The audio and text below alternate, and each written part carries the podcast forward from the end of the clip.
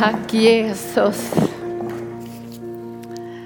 Tack Mia för dessa härliga ord. Jag kommer ihåg dig där väckelsen på Fjällstedtska skolan i Uppsala. Det är många år sedan. Jag tror att en 70-80 ungdomar blev frälsta den kvällen. Guds ande föll och Mia var en av dem. Vi gick på gymnasiet och jag kommer ihåg att ungdomarna låg, många låg på golvet bara under Guds kraft och profeterade och prisade Herren. Och då kommer jag ihåg, jag har varit frälst kanske, ja, kanske ett halvår eller något sånt där. Så, så, så såg jag hur Gud fyllde dem och jag gick runt och la händerna på dem. Och då, då sa jag till Gud, ja men jag skulle vilja uppleva jag också nu, sa jag.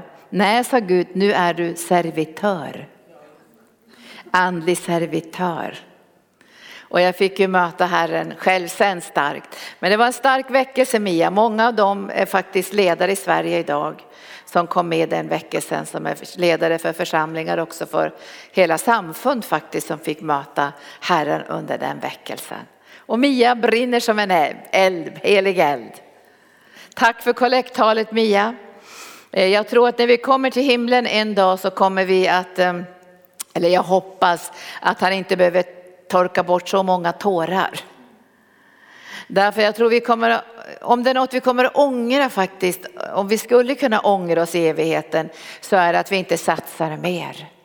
Att vi inte engagerade oss mer, att vi inte satsar ekonomi mera för att hans rike skulle kunna utbredas i den här världen och att det skulle finnas mat i hans hus. Det måste finnas mat i Herrens hus för att människors behov ska kunna bli mötta. Nu berättade Mia om helande dagarna. vi har också retriter. Jag har retriter också med flera av mina medarbetare som hjälper mig och de retriterna är bara, de är bara en och en halv dag och det är temaretriter. Bibliska tema och nu i oktober kommer det ett tema som heter Hitta din identitet i Jesus. Och då har vi också, de två dagarna har vi samtalsgrupper så att man ska få dela sitt hjärta för att förstå den process som Gud håller på med. Och ibland när man sätter ord på det som Gud gör så ser man det som han gör och att man kan gensvara bättre till det. Och Oskar som nu som ledde som spelade på pianot. Han spelar också där på Sjöhamra gård tillsammans med mig så vi kan komma in i ett flöde. Och när vi har företagardagar så är också Oskar med och andra också. Och sen flödar vi ande och ger betjäning till företagarna så att de kan få lägga av sig stress och oro och få Herrens ledning för sina företag. Vi har ju härliga brinnande företagare här i församlingen som stödjer vårt arbete. Torbjörn Höst Larsson och, och Joshua och vår egen dotter Magdalena, eller Hanna Graf och Magdalena Graf hjälper oss också mycket ekonomiskt när det gäller våra internationella projekt. Och jag tror att Herren håller på att resa upp många företagare som ska bli arkenvänner. Som ska stå tillsammans med oss och vara med och lösa ut medel. För jag tror att när man får en gåva av Gud och kunna vara företagare så är det ju i företagartanken också att man ska lösgöra pengar genom sitt företag. Men jag tror att Gud framförallt reser upp företagare för att bana väg för att Guds församling ska få del av ekonomi så att man kan bli en givare. Så vi ska be för företagarna och vi ska be också för våra egna företagare här i arken. Now I have to ask, is it someone here that needs translation in English? Då kan jag bara prata, vi skulle se om vi behövde tolkning. För jag fick kontakt igår med syskon från Catch the Fire som skulle försöka ta sig hit med buss och vi får se om de kommer till det här mötet eller nästa möte. Har vi det inte härligt? Tack Jesus. Och den andra Oskar som ni stod och såg och sjung, sjung, där, han är ledare för lovsångsutbildningen där. Vinka så här så de säger att det är du. Och um, i torsdags så hade vi ju första, eh, första kvällen då, den var ju öppen för alla. Så den kan man se också via länk nu så att man kan se kanske du inte har anmält dig eller känner jag skulle jättegärna vilja vara med i den här lovsångsutbildningen. Och det som var så härligt i torsdags, jag var ju också med och delade lite där, det var att det var som att alla som var i lokalen började sjunga i anden. Och det kom profetiska toner. Och det här säger någonting om framtiden för oss. Alltså vi kommer inte bara ha lovsångare här på plattformen utan lovsången bland Guds folk kommer att bli så stark och så underbar och så ljuvlig. För det som Gud har på sitt hjärta, Fadern har på sitt hjärta, det är att lovsången i himlen ska ha en nedslagsplats här på jorden. Och att vi ska också kunna få uppleva, även om vi inte ser det, hur tusentals änglar tillsammans med oss prisar Gud. Serafer och keruber, för det är vi som är kallade att bära Herrens tron.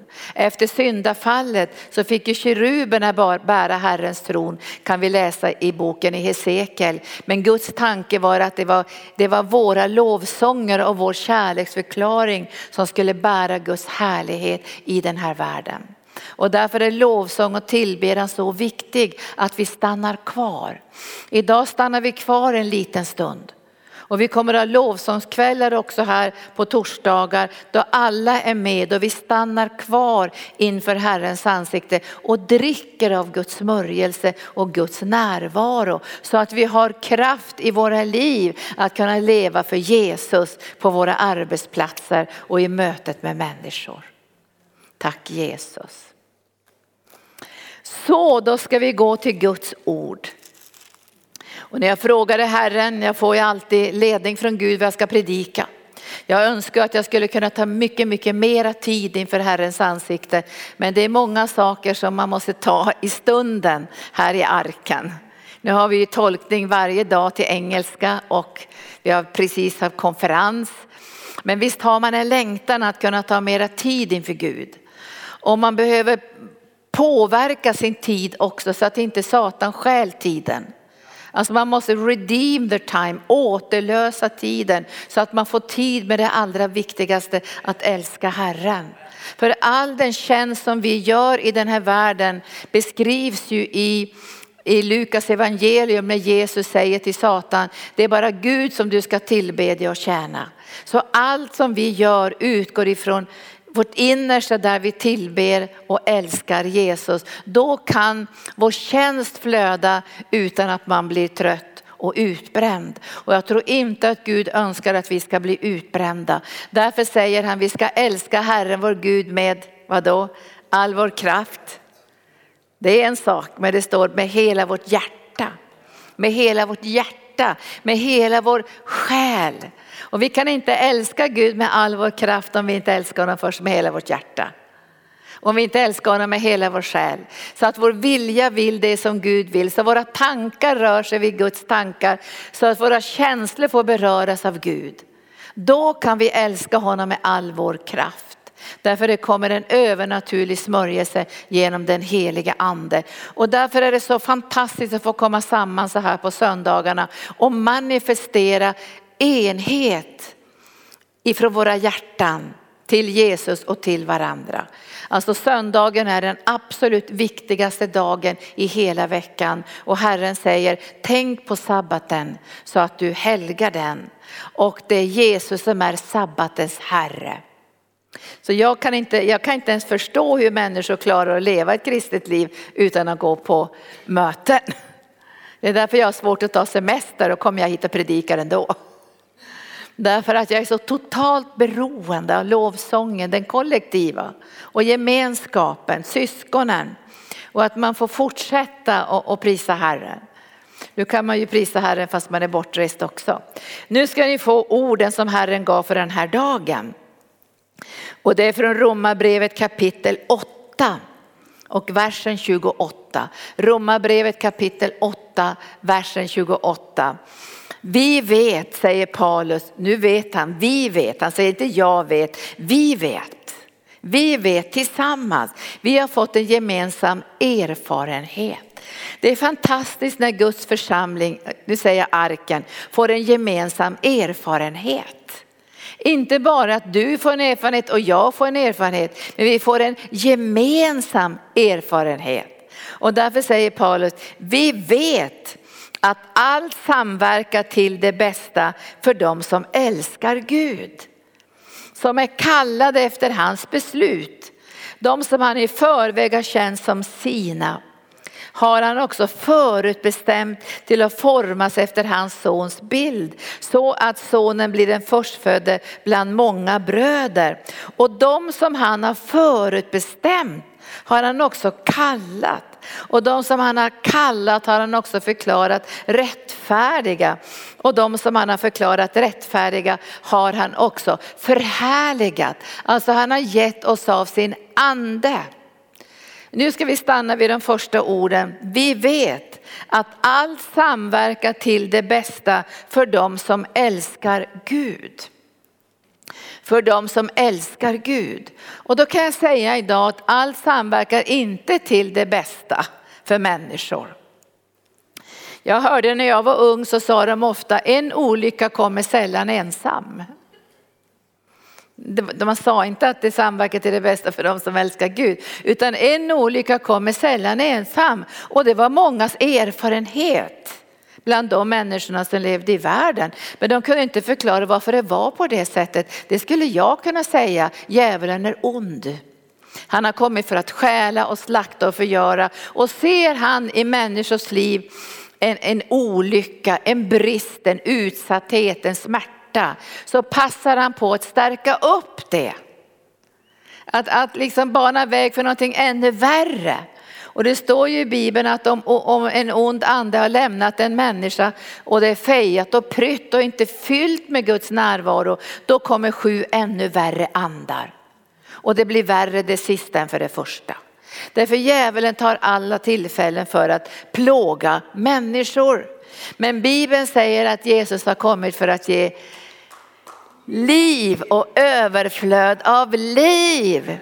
Och när Jesus säger de här orden till oss genom Paulus, då säger han också, jag är starkare än djävulen. Allt det djävulen hittar på, det böjer jag under mitt namn. Och min vilja kan ske i alla omständigheter. Hör ni det? Guds vilja kan ske i alla omständigheter. Gud är inte hindrad av omständigheterna för att du ska flöda i den heliga ande och bära frukt för honom. Därför du är frälst. Det är värre för dem som lever i världen. Därför då kommer många saker att samverka till det värsta. För djävulen älskar att lägga bördor på människor. Han älskar att trycka ner dem, han älskar att plåga dem, han älskar att föra in dem i slaveri, han älskar att föra dem ut i sån förvillelse så att de inte ens kan be om förlåtelse för sin synd. Och då samverkar många gånger saker till det värsta. Men du som älskar Gud ska förvänta dig att det ska samverka till det bästa. För Gud låter sig inte hindras av omständigheterna. Hans vilja hålls inte tillbaka på grund av att djävulen härjar och gör saker i människors liv. Men vi måste ha en rätt attityd till det. En rätt attityd. Och det här ska vi titta lite grann på idag. Allt samverkar till det bästa. Och då kommer den första frågan. Samverkar Jesus med djävulen? Jobbar han med djävulen? Det hör jag ibland, inte så mycket någon längre, att Jesus och djävulen jobbar ihop. Så att det kommer svårigheter in i ditt och mitt liv för att nu ska Gud liksom hjälpa oss och visa oss att vi kan älska honom mer. Men det är inte Guds vilja och Guds tankar. Gud samverkar aldrig med djävulen men han samverkar med dig. Han samverkar med ditt hjärta. Och den kärlek du har till honom, det gör att du och jag ger utrymme för Gud i livets alla omständigheter. Vi ger honom en landningsbana. Halleluja. Så när vi samverkar med Gud, även i den mörkaste, mörkaste, mörkaste livssituation, så vet vi att Gud kan få en landningsbana. Och vi har ju läst sådana där radikala berättelser som Apostlagärningarna 16 när, när, när Paulus och Silas har varit med om ett mirakel och det blir fruktansvärda ska säga, omständigheter. Alltså sådana omständigheter vet jag inte hur jag skulle kunna reagera i. Nu får vi ju mycket information utöver världen och i Vitryssland är det just nu inte lätt för våra trossyskon. Det är inte lätt. Men när Paulus och Silas predikade evangelium så blev det väldiga konflikter och de blev torterade och satta i fängelse. Alltså de satte dem, kan man säga, i den mörkaste håla. Fastbundna, sargade, plågade i midnattstimmen när det var mörkt, när det var jobbigt, när det var tid att gråta och undra var är du Gud? För de flesta av oss kommer in i en slags kamp när omständigheterna blir svåra och det som djävulen gärna vill att du och jag ska ställa frågan, var är du Gud? Ändrar sig Gud i omständigheterna? Blir han svagare i omständigheterna? Visst kan det kännas så i känslorna om vi är ärliga. Man undrar, var är du Gud? Nu är det så jättejobbigt, jag känner inte din närvaro. Därför att omständigheterna vill påverka våra känslor.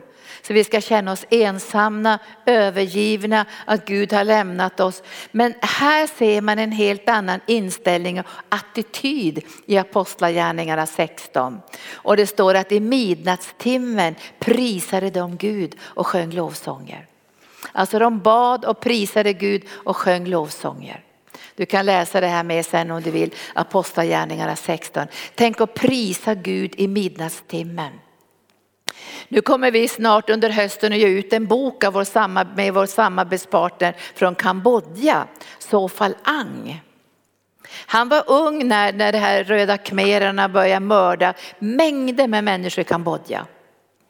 Och han, han, nästan hela hans ungdomsgrupp blev mördad. Alltså de mördade ju massor, ni, vet, ni har säkert läst om det i Kambodja. Vi var där och såg, det var fortfarande ruttnande kläder överallt och de mördade ju hundra och åter hundratals tusentals människor, bortåt en miljon människor mördades. Och Sofal Ang, han skulle precis dödas när det hände någonting. Alltså han svimmade då, han var ungdomsledare och han svimmade för då hade vietnameserna kommit och det hände något som gjorde att de hann inte döda honom. Det var en stor grop som de bara slängde människorna i. Men de, de slängde upp honom på ett flak och tog honom till ett fängelse. Och då berättar han när han satt där, det var becksvart i det där fängelset. Och han hörde hur folk jämrade sig och grät och ropade. Och då började han sjunga There's a river of life flowing out of me. Ni kanske kan den sången. Och så hörde han plötsligt hur det bara förändrades atmosfären i det där fängelset och folk började sjunga och prisa Herren. Där var han i sju månader. När de, när de slängde ut honom trodde de att han var död. Men han var inte död. Lovsången och tillbedjan upprätthållit hans hjärta.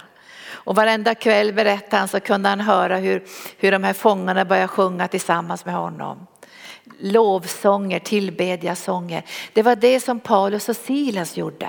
Och det som hände då det var att det skakade i hela fängelset. Och det står att grundvalarna skakades i fängelset och alla dörrar öppnade sig och alla bojor föll av på alla fångar. Tänk att lovsången från våra hjärtan, tillbedjan i svåra omständigheter kommer att påverka andra som är bundna och plågade i sina omständigheter. Och den här fångvaktaren blir så rädd så han tänker ta livet av sig. Men då säger ju Paulus, nej men vi ska inte rymma härifrån. Och istället blir det ett väckelsemöte och dop. Tack Jesus. Läs om det. Omständigheterna de kan beskriva någonting som inte alls Gud skulle beskriva. Och därför måste vi låta anden samverka med våra hjärtan så Gud får en nedslagsplats. Allt samverkar till det bästa för dem som älskar Gud. Och därför måste vi ut, vi inte måste men vi bör uttrycka vår kärlek till Gud i midnattstimmen. Jag säger att det inte alltid är lätt. Jag tycker det är svårast i midnattstimmen när omständigheterna är jobbiga och trycker på och mörkret kommer. Då ska vi prisa Herren. Och när vi har den här utbildningen i, i lovsång ska vi träna och prisa i midnattstimmen. När vårt barnbarn Isak dog så frågade Herren, hur ska jag komma igenom sorgen? Och då sa Herren till mig, först måste du veta att, att, att eh, det är jag som ska trösta i sorgen. Och då måste du komma i ett läge så jag når in i dig i sorgen. Det står ju så här att Herren ska trösta saliga den som sörjer, för Gud ska trösta. Och den tröst vi får ska vi kunna trösta andra med. Och då sa hon, du måste ställa ditt läge på en plats där jag får möjlighet att trösta dig. Och jag sa, vilken plats är det Herre? I lovsången sa han. I bönen och lovsången kommer du i en position där jag kan nå in i ditt liv och låta det här som var djävulens vidriga plan få samverka till det bästa. I lovsången då vänder vi oss till Gud och älskar Gud. Det är ett sätt att få uttrycka det här. Och vi ska titta på några texter bara för att vi ska stärka det här. Och vi ska gå in i första Moseboken. Första Moseboken och ni kan ju den berättelsen om Josef och hans vandring. Ni vet ju att han fick ju en fantastisk, två drömmar fick ju han av Gud när han var ung och sen såldes han som, som slav till Egypten. De här texterna kan ni ju. Och han blev upprest också i Egypten och fick bli en otrolig välsignelse. Och, och, det fanns en attityd i hans hjärta som vi ska titta på idag. Alltså hur kan det samverka till det bästa? Och hur kan man bli fruktsam även i de svåraste omständigheter? Jag har ju läst om, om sådana som har suttit i fängelse i svår, i svår misär och startat liksom väckelserörelser i fängelset. Fängelseförsamlingar flödat i under och tecken medan andra går under i bitterhet, i sorg och förtvivlan i att känna att Gud har övergett dem. Gud kommer aldrig att överge oss. Och det här måste vi veta ifrån våra hjärtan. Han kommer aldrig någonsin att överge oss och han förändras inte i omständigheterna. Även om man tycker att det är härligare att lära känna Gud när allting är toppen. Men jag tror Gud också vill att vi ska lära känna honom när det är svårt. Och vi ska börja läsa ifrån när bröderna kommer tillbaka och möter Josef. Och det här är från kapitel 50 i första Moseboken och versen 15. När Josefs bröder såg att deras far var död så sa de, tänk om Josef hyser agg mot oss och ger igen för allt det onda som vi har gjort emot honom. Därför sände de bud till Josef eller att säga, här hade de ju fått hör, förstått att, att, att det här var Josef och det gjorde de inte under en lång period. Därför sände de bud till Josef och lät säga, din far sa så här före sin död. Så här ska du säga till Josef, vi ber dig förlåt dina bröder deras brott och synd som de har gjort så illa emot dig. Så förlåt nu den synd som din fars Guds tjänare har begått. Josef grät när han fick deras hälsning. Sen kom också hans bröder och föll ner på, inför honom och sa, vi är dina slavar. Vet ni att när man har gjort någonting som de gjorde mot honom, för det står ju på ett annat ställe så här att de såg hans ångest och ändå bestämde de sig för att sälja honom som slav till Egypten.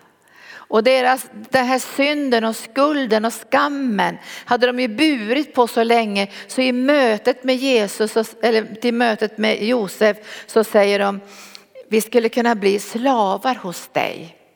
Jag tänkte i morse så här, vi får aldrig låta saker i vårt liv föra oss tillbaka till slavidentiteten. Därför Gud har inte gett oss slavidentitet. Vi har inte fått slaveriets ande, vi har fått barnaskapets ande i vilken vi ropar Abba fader. Och jag tycker de här, de här bröderna, de måste ha gått och burit på den här skulden i alla dessa år och förväntat sig ett straff istället för nåd. Men, men så säger Josef så här. Men Josef sa till dem, var inte rädda, skulle jag ta Guds plats? Det var inte det som Gud hade tänkt när han lyfte upp Josef. För de, de blev ju så vreda på Josef och hans drömmar för de menade, ska vi böja oss för dig? De förstod inte att Gud skulle resa upp Josef för att rädda dem. För att inte bara rädda dem utan också rädda hela Egyptens folk. Och då säger han de här fantastiska orden, ni menade ont mot mig Ni menade ont mot mig, men Gud har menat gott genom det för att bevara många människor vid liv. Han förnekar inte de här svåra omständigheterna. Han säger det här var dåligt och djävulen önskade att bryta ner mitt liv. Han skulle kunna sagt så här till bröderna, djävulens plan var att fylla mig med hat, bitterhet, att jag skulle tappa alla mina drömmar som jag hade fått som barn, att jag skulle tappa smörjelsen, att jag skulle låta mig förvärldsligas i Egypten. Det skulle han kunna ha sagt. Men han säger så här, nej det som, det som var tänkt till att bryta ner mitt liv, det lät inte jag tränga in i mig. För jag visste att Gud menade något gott genom att bevara många människors liv. Han såg någonting i omständigheterna och det är viktigt för dig och mig när vi hamnar i svåra omständigheter att vi ser genom Guds ögon. Att Gud inte kommer att låta djävulen vinna. Att han inte ska tillåta att Satan kommer att stjäla drömmarna, glädjen, livet, tryggheten. Utan istället ska du och jag börja titta mot himlen och tänka, jag undrar vad Gud kommer att göra i de här omständigheterna. Och jag skulle verkligen önska att hela platsen här skakades. Det gjorde den i Apostlagärningarna 4 när de bad så kraftfullt. Men jag skulle också önska att den här världen skakades. Alltså om vi handskas rätt i omständigheterna, då kan vi vara ett vittnesbörd för människor som står rådlösa inför havet och vågornas stån. Vi får inte reagera på samma sätt som människor som faktiskt kommer att råka ut för det ena bekymret efter det andra. De svåra omständigheterna, för det kan vi se med profetorden. Och därför måste måste vi som Guds församling börja öva oss i den heliga ande. Och jag ska säga några saker som vi behöver tänka på därför vi behöver leva i förlåtelse. Och vi behöver förvänta oss att vara fruktsamma även i de svåra omständigheterna. Ibland tänker vi så här, bara det går över då ska jag bli glad igen. Bara det går över det här då ska jag gensvara till alla mina drömmar. Men det var inte så som Josef levde. Utan han, han förväntade sig i de här omständigheterna att Gud skulle bereda en väg. Jag tror inte riktigt att han visste vad som skulle ske. Han, han anar nog inte liksom att, att Gud skulle verka på det här sättet. Men vi ska se vilken attityd han hade.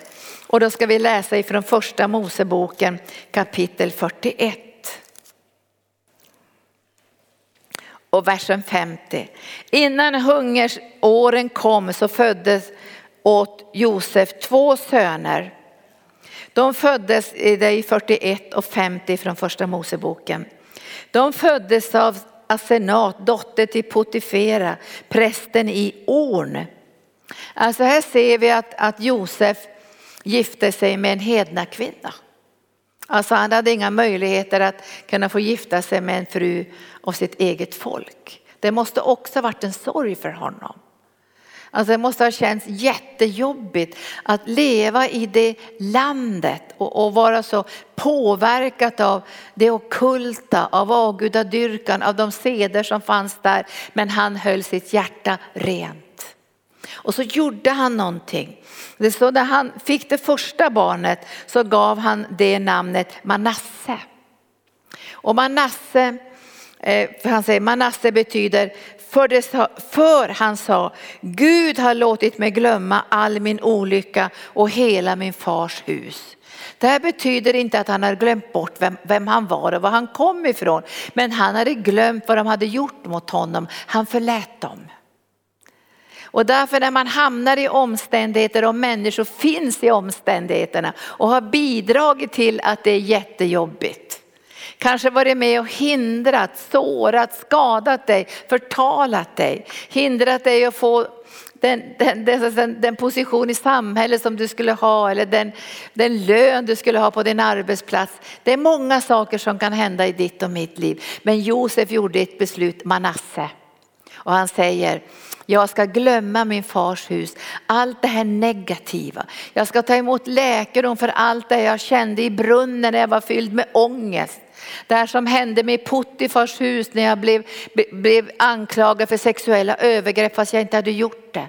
När jag hamnade i fängelse. Allt det här måste jag glömma och jag måste förlåta de människor som har varit kanaler för allt det här i mitt liv. För annars kan inte Gud få en nedslagsplats.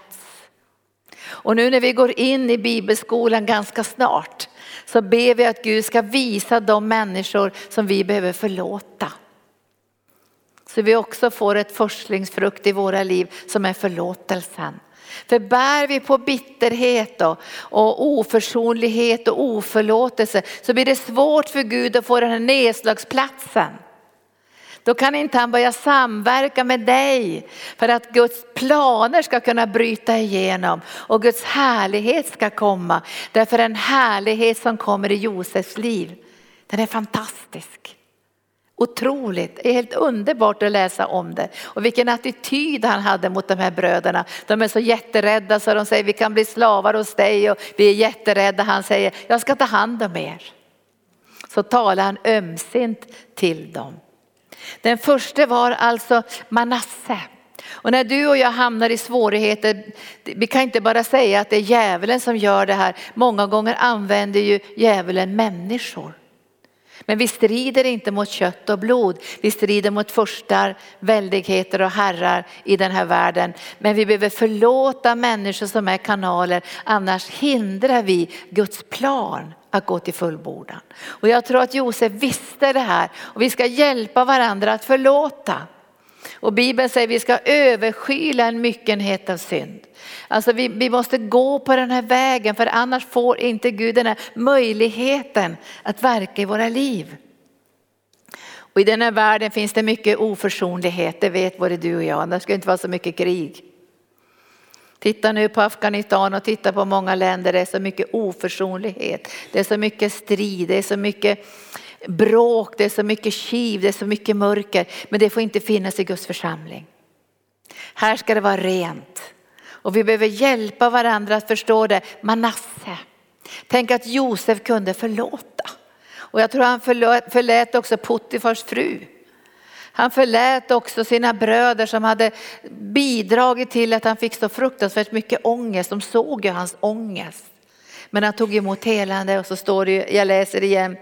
Gud har låtit mig glömma all min olycka och hela min fars hus. Och så den andra sonen som han fick gav han namnet Efraim. Efraim. Och så säger han, för Gud har gjort mig fruktsam i mitt lidandes land. Alltså det här tycker jag är så vackert, där han säger Gud har gjort mig fruktsam. Jag har inte torkat ihop i mitt lidandes land. Jag har inte gått under i bitterhet och mörker. Till och med i fängelset flödade han i den heliga ande. Så att fastän han var fånge själv så fick han position i fängelset. Så de som kom till fängelset sökte honom för att få profetord över sitt liv. Hur kunde han hålla en sån hög standard? Alltså jag har tänkt mycket på det här därför han förväntade sig en gott från Gud. Han visste Gud kommer att samverka med mitt hjärta. Och det här tar ju Paulus upp i romarbrevet för de som älskar Gud. Och jag tror att han fortsatte att älska Gud och han gav inte utrymme till djävulens tankar. Nu har Gud övergivit dig. Nu är du ensam. Nu kommer aldrig de här drömmarna gå till fullbordan. Han släpper inte in det utan han ger utrymme för Guds härlighet i sitt liv. Och han fortsätter att flöda i smörjelsen och han säger Gud har gjort mig fruktsam. Jag bär frukt. Och det finns ju ord i gamla testamentet, vi är planterade vid vattenbäckar. Vi bär frukt i rätt tid. Och det står även om ett nödår kommer och det finns ingen frukt så står det så kommer jag ändå att blomstra. Därför att du får inte din, ditt vatten från någon usel källa i den här världen. Du får din, ditt vatten från Guds källa och därför kan du också blomstra i tider av nöd och svåra omständigheter. Nu har vi det så bra i Sverige, visst har vi det. Vi lever i en ganska trygg ska säga, värld även om vi märker att det, blir, det hårdnar med, med mycket bråk och konflikter och, och våld och skjutningar Men det trista är ju att när man får sån här information gång på gång så börjar man bli, man börjar liksom inte tycka att det är så hemskt längre. Alltså det slipas av någonting i våra liv och det får inte göra. Alltså vi måste behålla äggen i våra liv. Vi får inte anpassa oss efter de här omständigheterna utan vi ska förvänta oss Guds ingripande. För Gud säger att vi ska inte anpassa oss efter världen. Och vi ska be när vi läser tidningen och när vi läser negativa rapporter så ska vi be att det ska finnas människor någonstans där ute som älskar Gud. Som kan ge nedslagsplats för Guds ande i de här omständigheterna och att kärleken inte ska kallna. För kärleken kallnar ju inte egentligen. Det Guds kärlek kan ju inte kallna, vår kärlek kan kallna. Men Guds kärlek kan aldrig någonsin kallna, kall, kallna för det är ju agape-kärleken, eller hur? Men nu, nu, ska vi inte tala om de svåra, fruktansvärt hemska omständigheter. Vi sitter i fängelse och, och slagna. Men det finns ju de där små jobbiga omständigheterna i våra liv. När det inte går som vi önskar.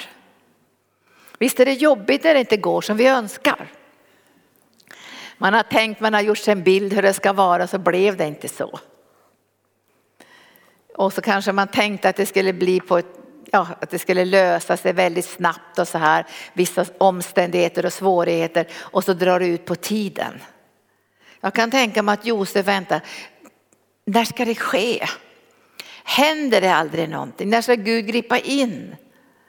Och därför behöver vi känna igen de här små omständigheterna. Jag brukar kalla det för rävar som kommer in i lustgården för att stjäla fruktan. Det är rävarna. Och det vanliga är väl rävomständigheterna. Det här som gör att du och jag mår lite dåligt och det är inget kul längre, det tar emot och relationerna börjar bli lite unkna och det är inget kul i hemgruppen och den där jobbiga personen kommer och tar all tid och, och nu har jag inga pengar kvar. Alltså de där små omständigheterna, det vi till och med glömmer bort att räkna med Gud. Men vi ska känna igen de där omständigheterna och så ska vi säga allt kommer att samverka till det bästa för jag älskar Gud. Kan hända att du har en situation på jobbet med en arbetskamrat som du tycker är jobbig och du tänker jag ska sluta på jobbet här för en så jobbig arbetskamrat. Det kanske är den arbetskamraten som kommer att föra dig in i en slipning. Kanske det är just den personen som kommer att, att få bli till den största välsignelsen för dig. Därför att du kommer att ge utrymme för Jesus i din livssituation och det kommer att påverka människorna omkring dig. Så är det. Allt ska samverka till det bästa för de som älskar Gud. Och då tror inte jag att det bara samverkar för mig utan det samverkar också för de som finns omkring mig. Men det kan också samverka för människor i ett mycket större sammanhang. Det beror ju alldeles på vilken, vilken plats du är i, vilken livssituation du är i. När du, när du är i kanske i riktigt trångmål där många människor är involverade och du väljer att låta det samverka till det bästa för du älskar Gud. Då kanske mängder med människor kommer att påverkas av ditt beslut. Och jag tänkte vi skulle tänka bara en liten stund på de här om du har några omständigheter. Man brukar ibland säga att omständigheterna känns som ett tryck också.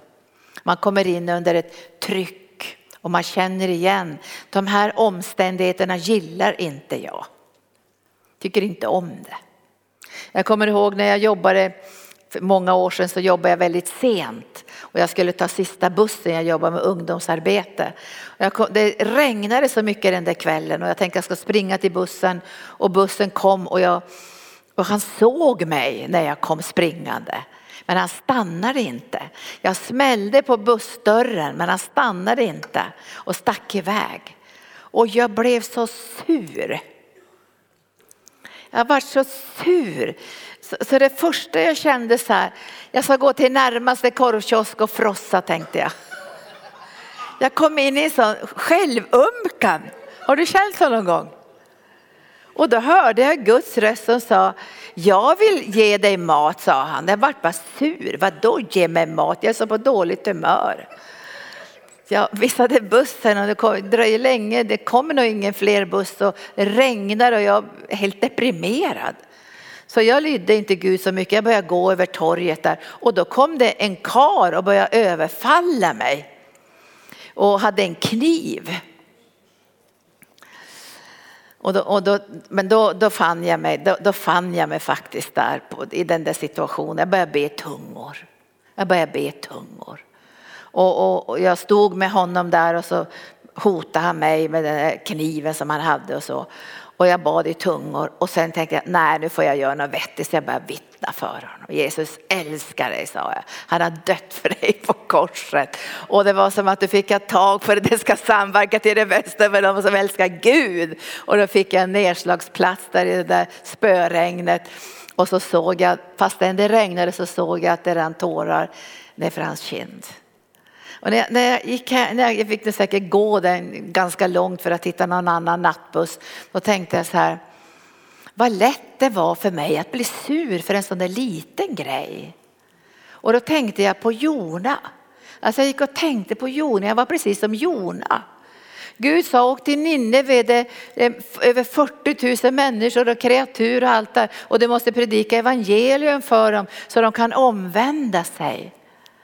Och då predikar han evangelium för men egentligen vill han att, att Gud ska döma dem. Det tyckte han var det bästa. Och då blir han jättesur för att Gud ger nåd till de här människorna. Och så sätter han sig under en resinbuske. Och nu gör Gud någonting så låter han den vissna. Han blir på så dåligt humör. För att nu har Gud liksom tagit bort resinbusken och han får ingen skugga där han sitter. Och sen säger Gud, du vredgas för det här lilla. Men du har inte ens förståelse att förstå hur jag känner för mängder med människor som, som behöver frälsning. Ni kan läsa från Jona bok. Och jag tänkte, jag, jag var som Jona som grällde över en resinbuske. Lät den här lilla omständigheten liksom ta över i mitt liv. Och jag blev jättesur, det har jag berättat att jag blev. Jag gick aldrig till den där korvkiosken, jag åkte hem.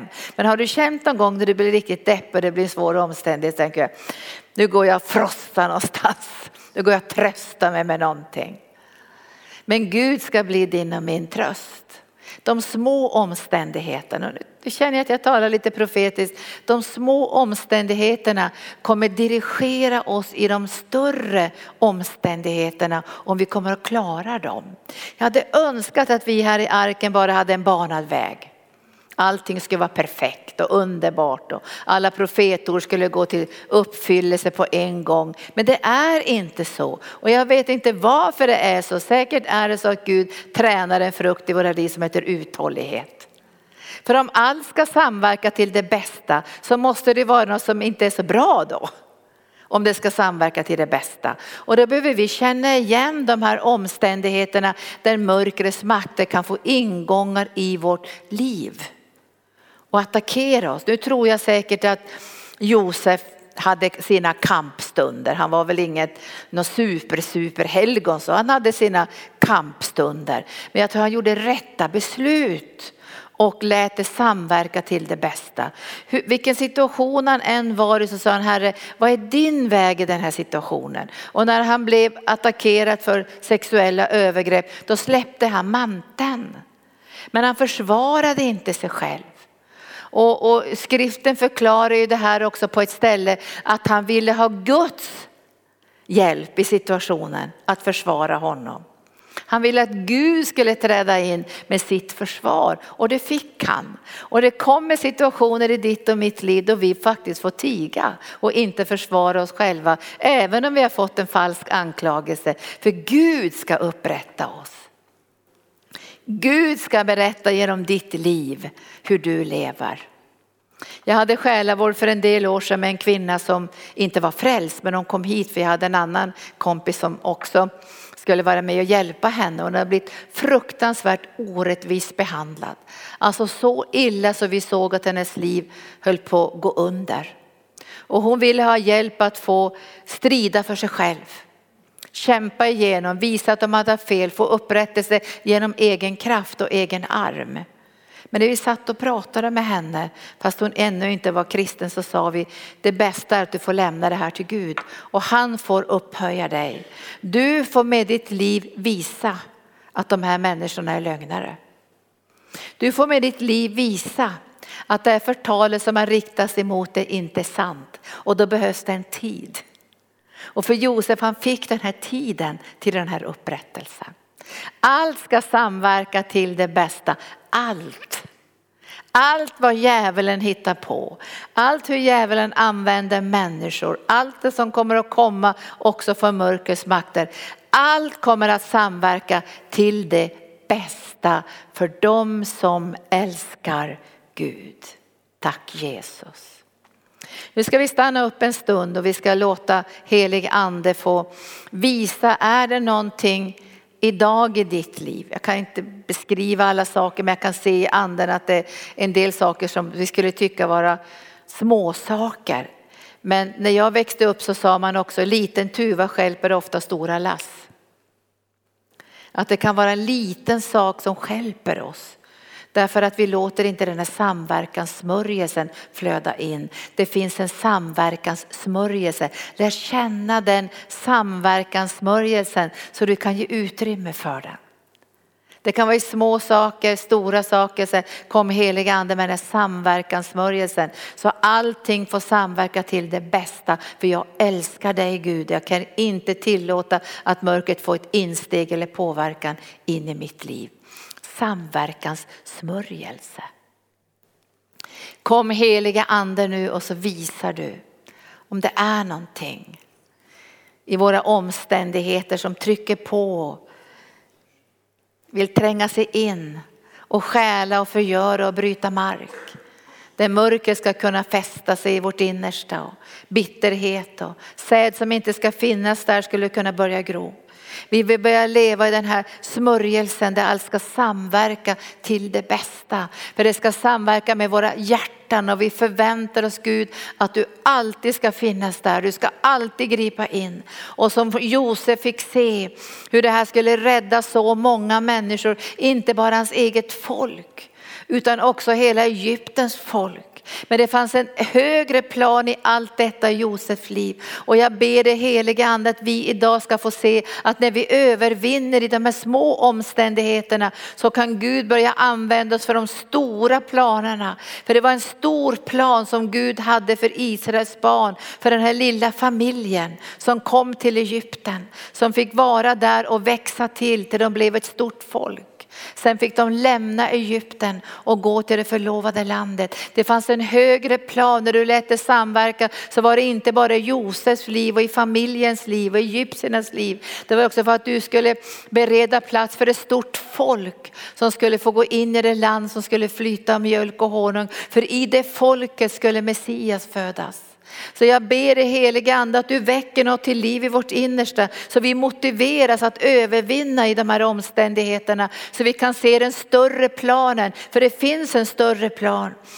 Det finns en större plan som inte bara ligger på det individuella planet som Manasse och Efraim. Att vi förlåter och efterskänker och att vi låter dig, vi ska bära frukt även i de mest torra, jobbiga och stängda livssituationer så ska vi bli fruktsamma. Men låt oss se hur viktiga vi är i den här yttersta tiden. Att det finns större planer, större utmaningar för våra liv. Och därför ber jag det heliga ande, Sibostria, Mesopairia, Citrosoria, att vi ska känna igen de här små omständigheterna så vi inte lägger oss under dem. För vi är inte svans, vi är huvud. Vi är över och vi är inte under. Och jag ber dig heliga ande, gör oss uppmärksamma så vi inte faller i djävulens fälla. Så att vi låter honom gripa tag i våra själar, i våra känslor och våra tankar och dra oss in i mörker. Utan vi ska känna igen de här omständigheterna. Det är inte bara fantasier när lärjungarna var i båten och stormarna kom och slog emot dem. Det var inte fantasier utan det är verkliga bilder som vi ska få hjälp av så vi kan resa oss upp i båten och näpsa de här stormarna och näpsa de här vindarna. För vi vet att vi ska komma över på andra sidan. Kom helige ande, låt oss bli uppmärksamma så att vi ser Både de små sakerna och stora sakerna. Som du hjälpte Josef i hans nöd så fick han bli en sån välsignelse. Men han fick också förstå vad de här drömmarna skulle ha för betydelse. Vad han skulle få för betydelse längre fram. Och jag ber dig heliga ande att de drömmar du har lagt i våra hjärtan inte ska gå under i omständigheterna. Men jag ser i anden att de små omständigheterna är de viktigaste. Att känna igen de här små, små skaliga situationerna som kan verka med sådana negativa krafter in i våra liv. Kom heliga ande och så smörjer du oss idag med den här smörjelsen som gör att allt samverkar till det bästa.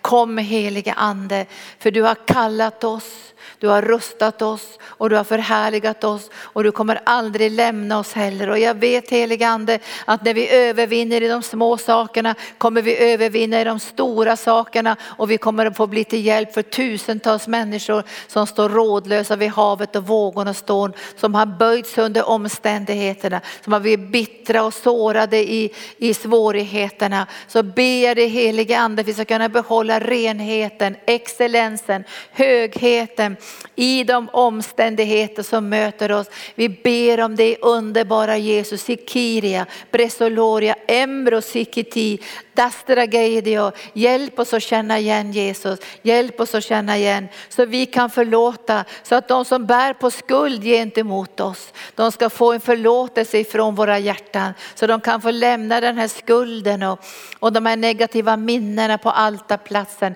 Därför sänder vi nu förlåtelse över dem människor som på något sätt har bidragit till att omständigheterna har blivit svåra i våra liv i Jesu namn. Ser ni några nu, nu kommer den heliga ande. Och så får du se kanske någon människa nu som du skulle vilja förlåta och lägga på altarplatsen.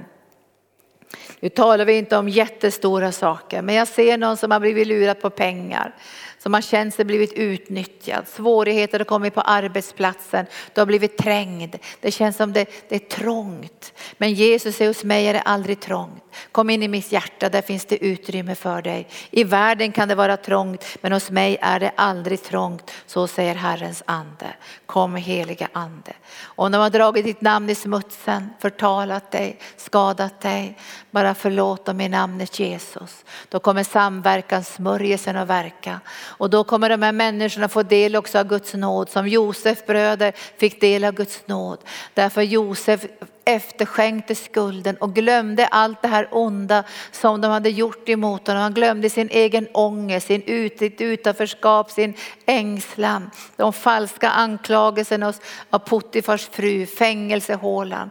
Allt det där glömde han, men han minns din godhet, han minns din kärlek och jag ber dig nu helige ande att vi får bara släppa taget. Vi släpper taget. Nu ser du några ansikten den här förmiddagen. Bara släpp taget, släpp dem nu, släpp dem. Så kan Gud få en nedslagsplats i ditt hjärta. Släpp dem, vi förlåter i namnet Jesus. Och är det något vi själva behöver göra upp med Gud så får du säga det till oss genom din heliga ande. För vi är redo och vi är beredda att hålla våra hjärtan rena. Kom heliga ande och gör ditt verk ibland oss i namnet Jesus. I namnet Jesus. Vi kan komma upp lovsångare så flödar vi en stund och Mia också. Vi flödar nu från plattformen. Tack Jesus. Jag har glömt min olycka, jag har glömt min olycka. Jag tror att den var ganska närvarande i Josefs liv under tider. Och ja, när man läser om, om apostlarna också så ser man ju att hur lätt det hade varit för dem att eh, gå på fel väg. Att ge upp sin kallelse eller lämna sin tjänst eller komma in i bitterhet. Och en gång så ska Paulus, en gång hamnar ju Paulus i en rättegång för att han följde Jesus och predikade evangelium. Då säger han så här, alla övergav mig. Men tillräkna dem det inte, säger han. Jag fick stå ensam där men jag var inte ensam för Gud var med mig. Och så säger han till den unga Timoteus, Timoteus skäms inte för att jag sitter i fängelse. Men jag sitter i fängelse för Jesus skull. Det fanns många tillfällen att ta emot den här sorgen och bitterheten och utanförskapet och ensamheten. Men han vann seger. Han vann seger och gav utrymme för Gud i sin livssituation. Och så säger han till församlingen så här, Satan ska snart bli krossad under era fötter. Idag så tittar vi på de små omständigheterna, att känna igen dem. Hur de kommer, hur de uttrycker sig, hur de känns. Så att vi kan segra och övervinna. Så den här smörjelsen ska kunna flöda in i våra liv. Tack Jesus.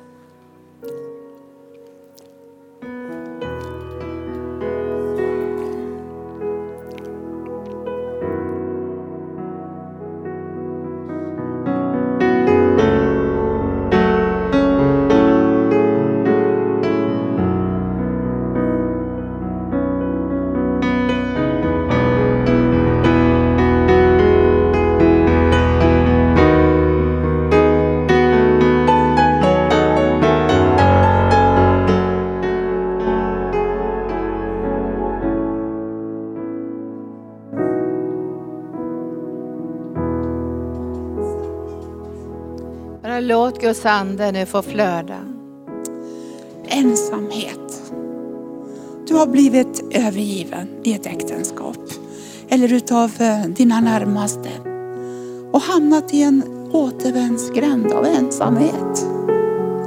Men du är inte ensam. Jesus är där med dig. Du, det är det här fängelset utav social isolering och utanförskap. Och det är Jesus. Och precis som Paulus och Silas som vi har hört om, fängelset fylldes av ljus, värme, så kommer Jesus, när du sträcker ut din hand mot honom, att ta din hand och säga, du är inte ensam, jag är med dig. Om du går genom den här mm, jobbiga situationen så är jag med dig. Och din ensamhet, den kommer att lära dig någonting. Det kommer att lära dig förtröstan, uthållighet, förtröstan på Gud, på Jesus. Att han tar dig igenom den här äh, situationen som du befinner dig i. Guds ande är där. Han räcker ut sin hand och säger, du är inte ensam, kom till mig.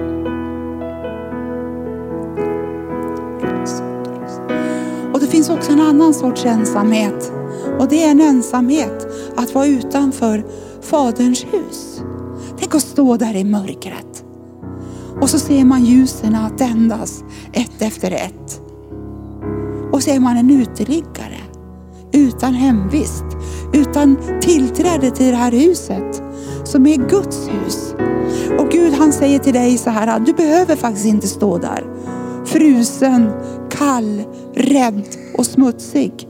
Jag är din far. Du får komma till mig. Här finns en dörr. Det finns en dörr som du kan gå igenom och det är Jesu försoning. Han säger till dig, kom till, till Jesus. Låt honom få bli din frälsare. Låt honom få ta hand om dig. Låt hans frälsning få bli verklighet i ditt liv. För ingen kommer till mig om inte man går genom Jesus. Det finns många som ropar ut sin frälsning. Men vill du komma till mig så går den genom Jesus. Så vad du gör just nu, det är att du tar emot Jesus som din frälsare i ditt hjärta. Knäpp dina händer, gör vad du vill. Men kom in i fadershuset där festen, där värmen, där omsorgen, där maten och eh, allt det goda väntar på dig. Stå inte utanför. Det kanske har varit så att du har varit i Guds hus och du behöver komma tillbaka. Det är bara ett steg bort. Och det säger Jesus, här är jag. Ta emot mig igen. Fyll mig på nytt med din ande. Fyll mig på nytt. Jag vill komma till dig med mitt liv som, som blev smutsigt och solkigt och kanske inte alltid så där som jag hade drömt om. Jag försökte, men det gick inte så bra. Nu kommer jag till dig Jesus. Josef han han nämnde inför sina bröder att ni, ni ville ont mot mig, säger han. Men Gud ville göra någonting gott. Och nu, nu tror jag Herren vill att du ska nämna den här saken som du vill att han ska samverka i. Det kan vara jobbigt med en arbetskamrat, det kan vara jobbigt i din familj. Det kan vara jobbigt med ekonomin, det kan vara en oro för en sjukdom eller någonting som just nu finns i ditt liv. Bara säg till Herren, det här, just i den här situationen vill jag att du ska samverka. Det kan vara något med ditt barn som har varit lämnat Herren och gått ut i världen och sökt sig på världens platser. Men du kan lyfta det här och säga, det här är någonting ont Gud. Men jag vill att du ska samverka i den här situationen, först och främst med mitt hjärta, så att jag kan be. Men det kommer en samverkanssmörjelse som kommer att påverka ditt barn också. För samverkanssmörjelsen är inte begränsad bara i ditt liv. För när Gud börjar låta sin smörjelse samverka så har du gett ett utrymme för Guds möjligheter, Guds kraft, Guds härlighet. Och han är starkare än alla djävulens planer, alla satans omständigheter och alla lögner ifrån mörkrets första. Så kom helige ande och beklä oss den här eftermiddagen med denna samverkanssmörjelse och tro på att du kan samverka med våra hjärtan i livets alla omständigheter. Kom helige Ande.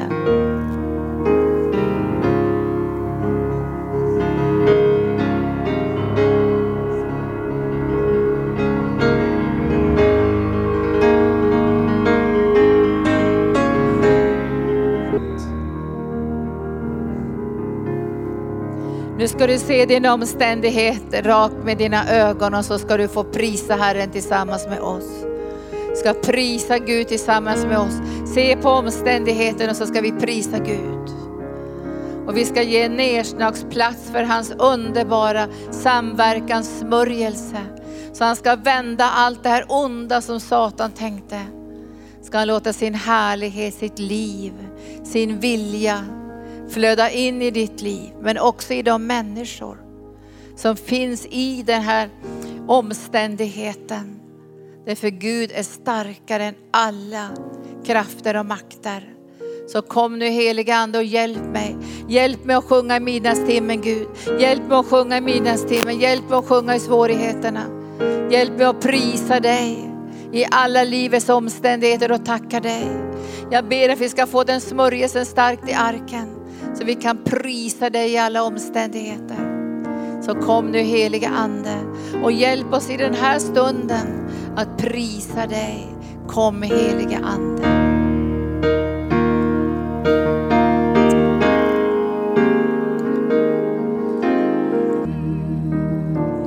Ibland så, ibland så känns det inte som vi skulle vilja lovsjunga.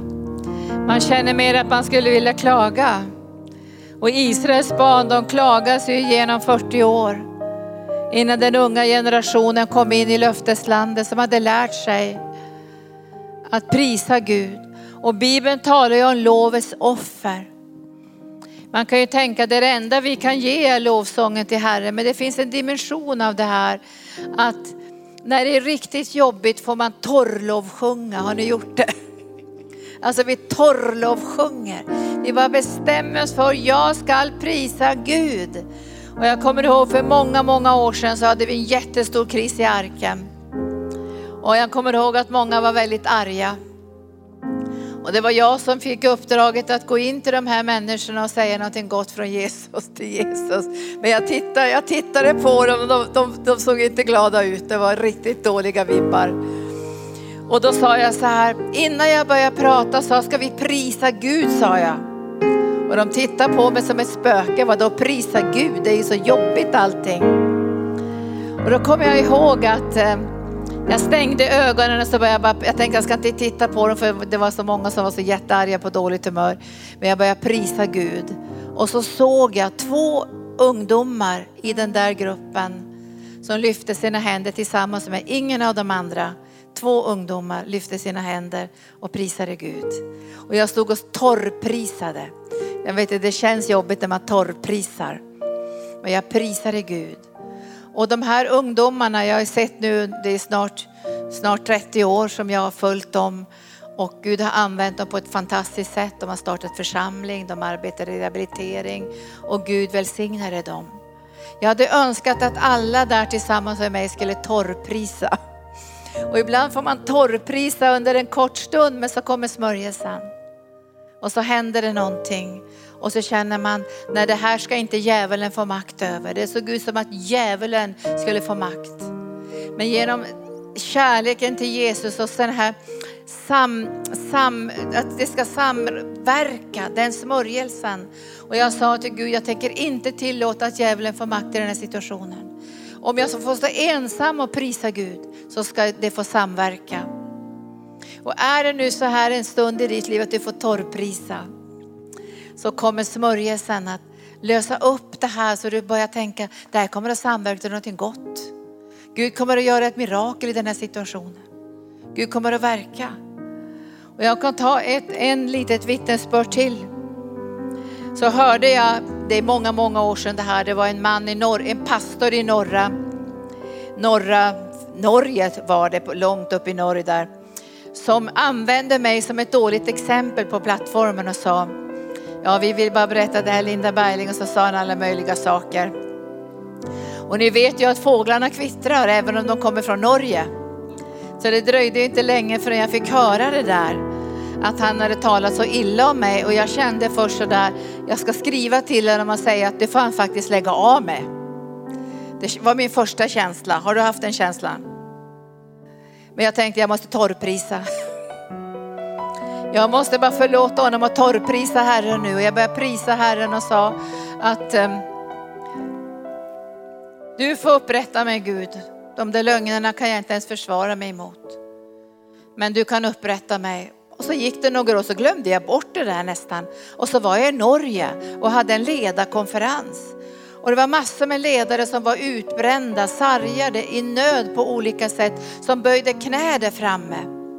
Och jag gick runt där och bad för de här ledarna och smorde dem med olja. Och så kom jag till en ledare och kände, vad var det här för konstigt? Så tittade jag på honom, det var han som hade förtalat mig så illa för en del år sedan. Och då kände jag så här, vilken underbar känsla det är att kunna förlåta. Och jag kunde lägga min hand på honom och bara, kom helige ande med upprättelse, kom med liv, kom med framgång i hans liv och hans arbete. Och vi pratade inte ens om det här som hade skett. Om du nu måste torrprisa en liten stund, för kanske din omständighet känns lite jobbig just nu. Då ska vi bjuda fram också dig här på, på förbön. Men jag har inte torrprisat särskilt länge. Utan då kommer smörjelsen och så känner man att nu kommer samverkanssmörjelsen. Och det är så spännande när man tänker, vad ska Gud göra i den här samverkan för mig, för andra och kanske till och med för landet om det får vara på den nivån. Men nu ska vi låta den här lilla omständigheten liksom få möta våran lovsång. Även hur jobbig den än är ska den möta vår lovsång och så ger vi en landningsplats för Jesus. Tack Jesus.